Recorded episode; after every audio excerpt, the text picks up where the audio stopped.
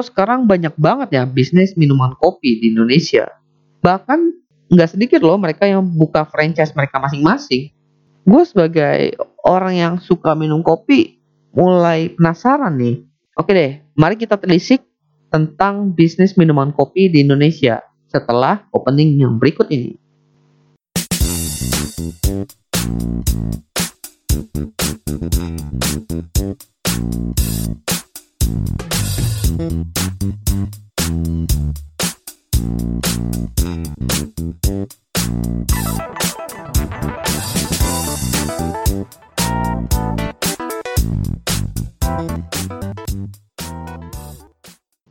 Halo semuanya, balik lagi bareng gue di The Opsiana Podcast episode ke-53.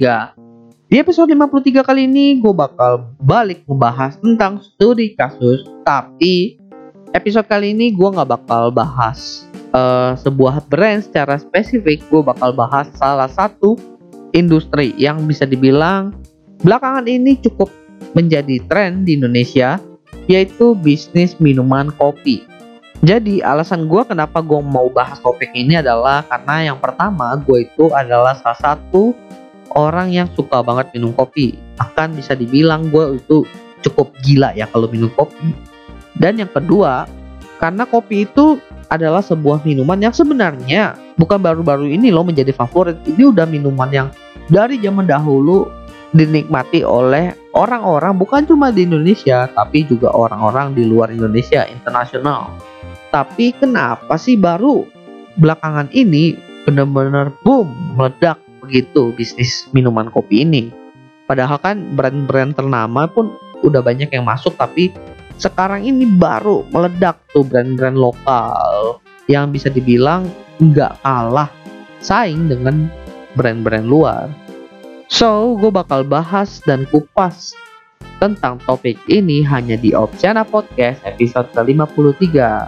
So, mari kita mulai pembahasannya. Kalau bicara soal kopi, kopi itu adalah salah satu komoditas di Indonesia di mana Indonesia bisa memproduksi kopi sendiri karena ya Indonesia itu punya kebunnya sendiri dan punya orang-orang yang bisa menanganinya. Dan tentunya komoditas ini menjadi salah satu komoditas favorit atau menjadi komoditas unggulan untuk ekspor di mana Indonesia sendiri mengekspor kopi ini ke berbagai negara, salah satunya seperti Amerika Serikat, Taiwan, India, dan masih banyak lagi. Indonesia sendiri ya, menurut warta ekonomi.co.id, Indonesia menempati urutan kelima sebagai produsen kopi di dunia. Dan hebatnya lagi nih, Indonesia sendiri punya satu jenis kopi yang paling mahal di dunia. Semua pasti tahu dong, yaitu kopi luwak berdasarkan beberapa fakta yang tadi gue sebutin itu kan jelas banget nih bahwa Indonesia itu menjadi salah satu negara yang cukup terkenal dengan komoditas kopinya. Artinya apa nih? Artinya banyak juga negara yang menggunakan kopi Indonesia sebagai kopi yang dikonsumsi oleh warga negaranya. Tapi kan itu dari dunia internasional nih. Bagaimana di negara kita sendiri? Kan banyak tuh kasus-kasus ya brandnya terlama di luar tapi di Indonesia malah nggak booming. Ternyata nggak seperti itu. Di Indonesia sendiri bisa dibilang kopi Indonesia atau kopi lokal cukup terkenal. Dan gue mulai ini cari artikel-artikel yang mendukung kopi di Indonesia. Dan gue menemukan salah satunya dari bisnis.com. Nah di bisnis.com ini mengatakan bahwa kopi di Indonesia itu diserap oleh industri lokal khususnya di bisnis kedai kopi dengan besar sampai dengan 25%. Wah, ini cukup besar ya. Dibandingkan dengan tahun 2018 yang hanya menyumbang 18 sampai 20% penyerapan kopi. Artinya apa? Artinya tahun ini penyerapan kopi di Indonesia khususnya untuk wilayah lokal itu cukup besar dan meningkat. Tunggu, tunggu, tunggu tadi itu kan cuma persenan nih 25 persen 25 persennya itu memangnya sebanyak apa sih gambarannya gimana sih jadi ini masih lanjutannya ya ini kutipan dari Bapak Mulyono Susilo selaku Ketua Asosiasi Eksportir Kopi Indonesia dia itu mengatakan bahwa penyerapan kopi di Indonesia atau lokal ini entah itu kopi robusta ke atau kopi arabica diperkirakan sampai 380.000 ton. Tapi ingat 25% ini masih sebatas untuk bisnis kedai kopi. Belum termasuk kayak olahan-olahan kopi lain kayak kopi instan lalu mungkin ada olahan lain itu belum termasuk. Tapi tenang aja gue bakal bahas fokusnya ke bisnis minuman kopi aja. Jadi yang kayak kedai kopi lalu uh, minuman kopi-kopi susu yang lagi booming-booming gitu gue nggak bakal bahas uh, yang di luar itu kayak kopi instan nggak bakal gue bahas. Gue bakal bener-bener stay fokus di situ bahasnya. Nah yang menjadi fokus gue di sini adalah kenapa sih bisnis minuman kopi itu saat ini sangat booming dan menjadi tren di masyarakat Indonesia. Dan bukan cuma itu, bukan cuma menarik minat masyarakat Indonesia, tapi juga menarik minat investor untuk invest ke bisnis minuman kopi. Karena mungkin kalau kalian pernah baca artikel, banyak banget brand-brand bisnis minuman kopi itu mendapatkan investasi. Bahkan investornya itu bukan investor yang ecek-ecek loh. Itu investor yang bisa dikatakan menjadi investor yang udah pernah invest di bisnis-bisnis terkenal juga. Artinya mereka bisa melihat sesuatu di balik bisnis minuman kopi ini. Dan apa yang ada di dalam bisnis minuman kopi ini mari kita kulik perlahan.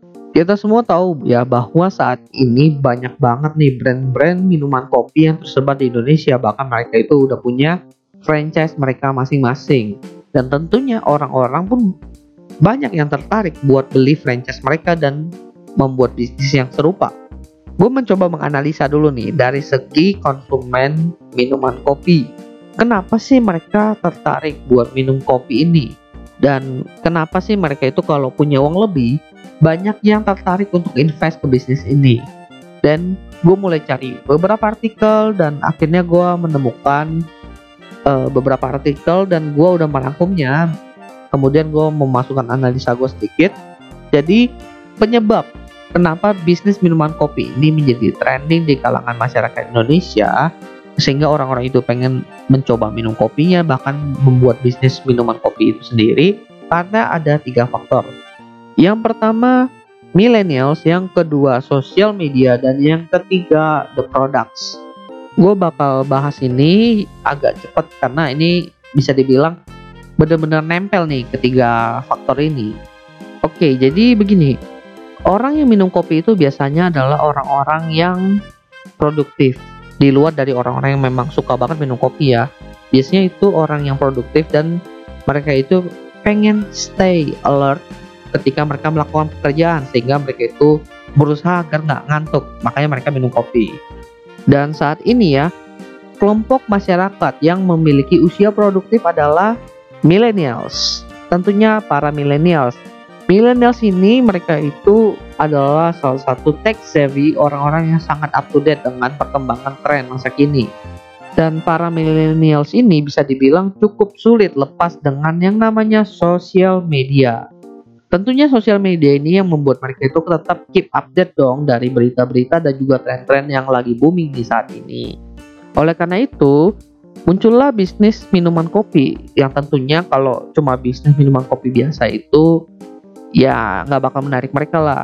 Ada nih orang yang membuat sebuah bisnis minuman kopi yang tentunya unik punya branding kemasan yang lucu dan diposting di sosial media makanya booming. Bukan cuma karena cara branding dari bisnis ini yang menarik tentunya pasti ada promo-promo dong. Banyak pelaku bisnis minuman kopi ini yang memanfaatkan sosial media mereka untuk promosi juga. Misalnya, dengan posting foto kalian dengan minuman ini, kalian bisa dapat harganya setengah aja. Tentunya ini kan demi buat konsumen itu menguntungkan karena lu cuma tinggal bayar setengah harga. Tapi buat yang punya bisnis itu menguntungkan karena lu promosi ke teman-teman lu. Dan tentunya ini akan terus menyebar, menyebar, menyebar karena bisa dibilang hal ini atau produk yang ditawarkan itu cukup unik. Belum lagi nih, produk yang ditawarkan itu punya harga yang rata-rata masih terjangkau. Harganya itu sekitar 15.000 sampai 25.000 itu bisa dibilang cukup terjangkau buat tahu milenials yang rata-rata udah kerja. Kalau lu bandingin dengan brand-brand bisnis kopi yang udah dari luar atau mungkin yang udah ternama kayak Starbucks atau Jeko, harga mereka kan jauh di atas itu kan. Makanya yang ini menarik para kaum milenial untuk mencoba kopinya. Belum lagi nih di tahun 2017 itu bisnis kopi mulai berkembang deh dan mulai menjadi tren itu adalah kopi susu. Wait, wait, wait, wait. Kenapa kopi susu bisa menjadi tren? Jadi begini, masih melihat dari tiga faktor tadi ya, tentunya bisnis kopi susu ini cukup jeli memanfaatkan sosial media di mana konsumennya itu adalah para millennials. Cuma mereka itu membuat sebuah produk yang bisa dinikmati oleh hampir semua orang. Bisa dibilang dibandingkan dengan kopi hitam ya, kopi hitam itu reaksinya ke setiap orang itu berbeda-beda. Ada yang minum kopi hitam itu biasa aja, ada yang ketika minum kopi hitam atau setelah minum kopi hitam itu dadanya berdebar-debar rasanya lalu ada yang pusing juga makanya pelaku bisnis kopi susu ini cukup jeli ya melihat eh, orang-orang uh, banyak yang nggak bisa minum kopi dengan sensasi yang sama makanya mereka mengeluarkan kopi susu. Yang tentunya kalau dari segi ingredients nggak sepenuhnya kopi. Bisa jadi dicampurin susu atau creamer dan itu takarannya berbeda-beda kan tiap franchise atau tiap brand. Makanya bisa dibilang bisa dinikmati oleh semua orang karena nggak bikin jantung berdebar-debar seperti kalau lo minum minuman kopi hitam. Nah bisa dilihat nih perkembangannya dari bisnis minuman kopi itu. Dari awalnya orang-orang yang pecinta kopi mereka itu cuma minum kopi hitam mulai berkembang. Banyak orang yang nggak minum kopi mulai minum kopi. Meskipun masih ada yang merasakan debar-debar Lalu keluarlah produk kopi susu yang dinikmati oleh semua orang. Intinya di sini sih bahwa minuman kopi ini adalah sebuah produk yang biasa aja, cuma bisa dibungkus secara menarik dengan sebuah teknologi yang memang digunakan oleh konsumennya saat ini yaitu milenial sedemikian rupa sehingga menarik minat para milenial untuk menikmati dan menjadikan ini sebagai sebuah tren. Itulah kenapa bisnis minuman kopi ini menarik untuk masyarakat Indonesia.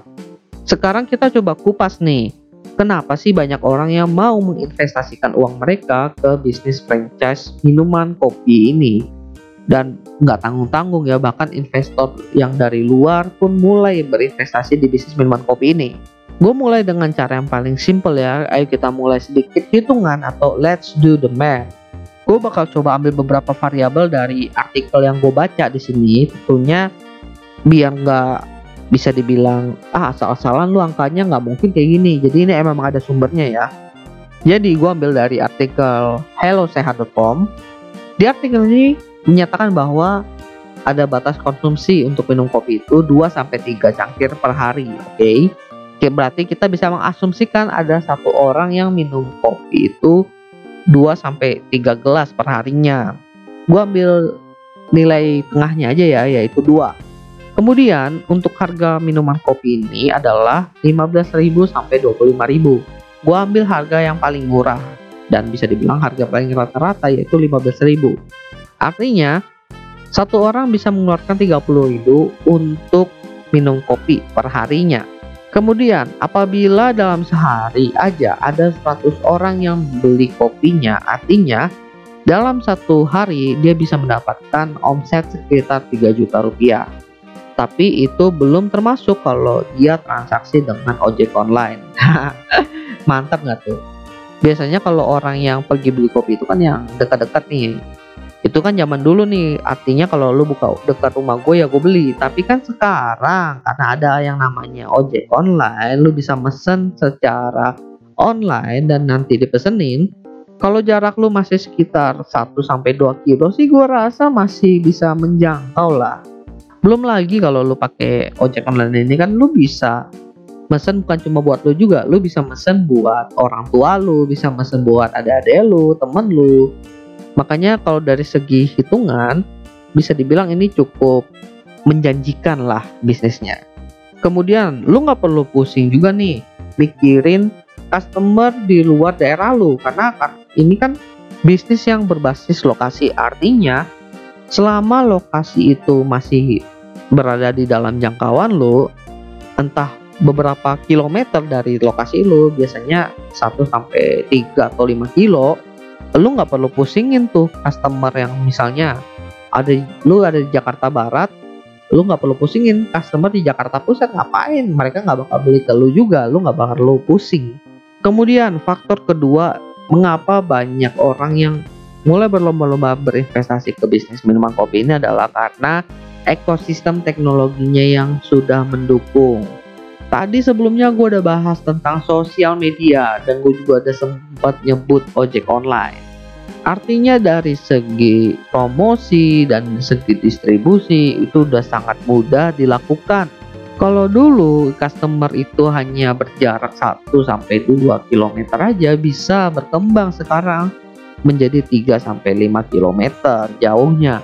Which is kan jumlah customernya artinya semakin bertambah dengan adanya teknologi-teknologi seperti itu. Belum lagi nih ada bisnis kopi yang bisa dibilang cukup keren karena dia itu buat aplikasi sendiri yaitu kan Korek Coffee kita tahu. Di situ kita bisa mesen, di situ bisa lihat promonya sendiri dan kopi Fore ini terkoneksi langsung dengan kurir pengiriman. Yang mana juga ternyata itu adalah ojek online kurirnya. Berdasarkan analisa gue itu bisa disimpulkan bahwa memang industri kopi minuman ini bisa berkembang cukup besar karena ekosistemnya itu sudah mendukung infrastruktur-infrastruktur yang dulunya nggak ada saat ini udah ada sehingga semakin mempercepat perkembangan bisnis minuman kopi yang udah ada dari sejak zaman dahulu. Oke, okay, gua rasa itu aja sih yang pengen gua bahas di Opsiana Podcast episode 53 kali ini. Semoga bermanfaat. Jangan lupa follow Instagram Opsiana di @opsiana_media dan nantikan info-info menarik dari Opsiana tentunya. Well, jadi opsi ada di tangan kalian. Bisnis minuman kopi saat ini memang menjadi salah satu bisnis yang sangat menjanjikan. Tapi bukan berarti kita hanya perlu berleha-leha untuk mendapatkan untung karena bisnis tetaplah bisnis, perlu keaktifan dalam melaksanakannya agar bisnis itu dapat sukses dan memberikan kita untung sebesar-besarnya. Sekian dari gue Edwin Opsiana Podcast. Thank you.